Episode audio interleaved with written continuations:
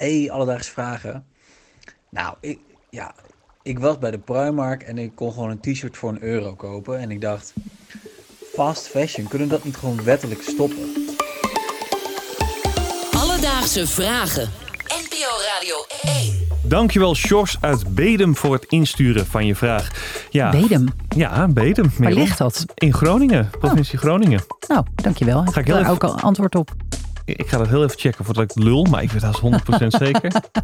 Ja, provincie Groningen. Dat ligt in Groningen. Oké, nou, mijn vraag is ook beantwoord. Nou, dat gaat snel. Eh, voor die van Sjors eh, moeten we denk ik wel iets langer bezig. Want ja, fast fashion, eh, een moeilijk onderwerp. Want het is toch een beetje Veel lagen. veel laag inderdaad. En wat het ook zo is, we maken allemaal eigenlijk wel een beetje gebruik van. Terwijl we allemaal weten, Nee, het is Niet helemaal kies. precies. Want Mhm. hoe zit het met jou Merel? Ben jij ook een fast fashion drager?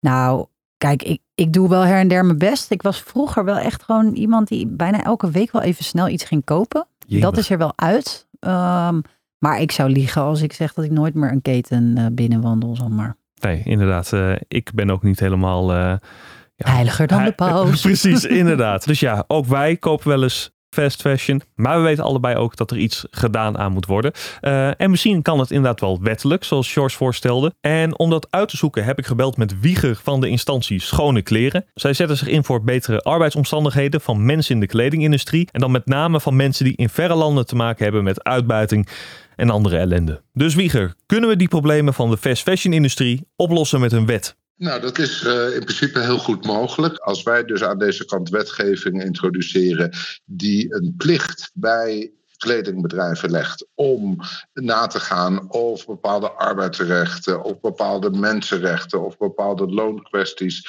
Of dat goed geregeld is, dat zij verplicht zijn om proactief na te gaan of dat soort dingen in die toeleveringsketen voor elkaar zijn, dan gaat dat hele grote verschillen maken, ver- verwachten wij. Nou, wat Wieger dus zegt, het is dus wel echt mogelijk. We moeten als afnemer van deze producten gewoon strengere eisen stellen. Zeggen tegen die bedrijven, zorg dat je spullen op orde zijn. Of anders kun je het hier niet verkopen. Ja, maar ik hoorde hem natuurlijk ook mensenrechten zeggen. Dat is iets wat best wel vaak al getoetst is, wat voorbij komt, wat verschillende eh, organisaties hebben aangetoond. En ik heb het idee dat eh, alle ketens nog overeind staan.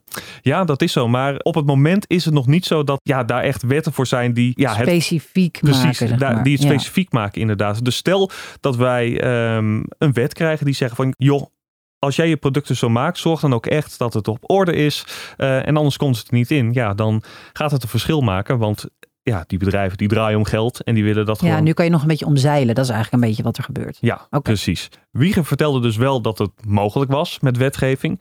Maar dan was ik toch eventjes benieuwd. Want gebeurt bijvoorbeeld in Nederland ook al iets? Ten eerste is er vorig jaar heel hard aan gewerkt om ervoor te zorgen dat de nieuwe regering het in het eh, regeringsakkoord heeft staan. En dat is gelukt. Om dat proces te versterken hebben een aantal partijen eh, vorige week ook een eh, wetsvoorstel ingeleverd. Dus een initiatiefwetsvoorstel vanuit de Kamer. Wij vinden dat een heel gedegen en, en goed wetsvoorstel. En als het die kant op zou gaan, dan eh, zetten we denk ik als Nederland een heel goed voorbeeld neer. En zal dat ook een hele positieve invloed hebben op gesprekken die hierover gaande zijn op Europees niveau.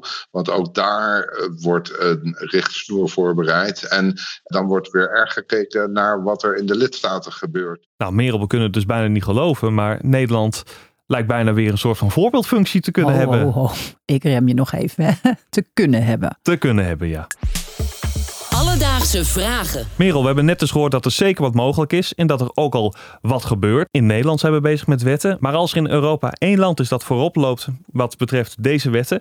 Dan spant eentje de kroon. En dat is...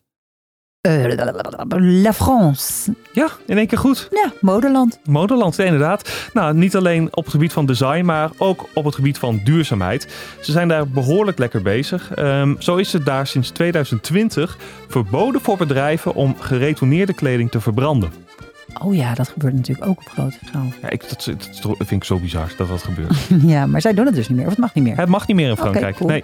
En wat vanaf volgend jaar gaat gebeuren, is dat het daar zelfs verplicht wordt dat elk kledingstuk een label krijgt waarop staat hoeveel impact het kledingstuk op het klimaat heeft. Ah, een beetje zoals dat je nu op een pakje sigaretten ziet wat het allemaal met jou doet. Kan je dan gewoon zien, "Ah, dit t-shirt heeft zoveel eh, bomen gekost. Ik Ja. noem maar wat. Ja, Ja, precies. oké. Momenteel wordt gewerkt aan het ontwikkelen van een model waarmee ja, dat label kan worden samengesteld. Bijvoorbeeld dan kijken ze naar waar komen die rauwe materialen vandaan, hoe ver is het verscheept en in wat voor fabriek is het gemaakt. En dan kun je straks als je voor kleding aan het shoppen bent, eh, net als een beetje met die supermarktlabels bij de Albert Heijn van ah, dit is heel gezond. Kan je met heel veel schuldgevoel toch afrekenen. Ja, of zonder heel veel schuldgevoel. Dus, Sjors, we hebben in deze aflevering uitgezocht of je fast fashion wettelijk kan stoppen. En wat blijkt? Ja, er is zeker het een en ander mogelijk. Het zou dan vooral gaan om wetgeving die de maker aansprakelijk stelt voor de productie.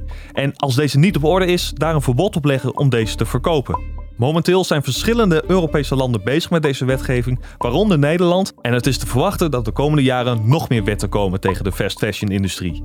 Heb jij ook nog een vraag? Stuur ons dan een berichtje op Instagram. Dat kan naar Alledaagse Vragen of stuur een mail naar alledaagsvragen.radio1.nl en dan zoeken we het voor je uit. Alledaagse vragen. NPO Radio 1. BNN Vara podcast.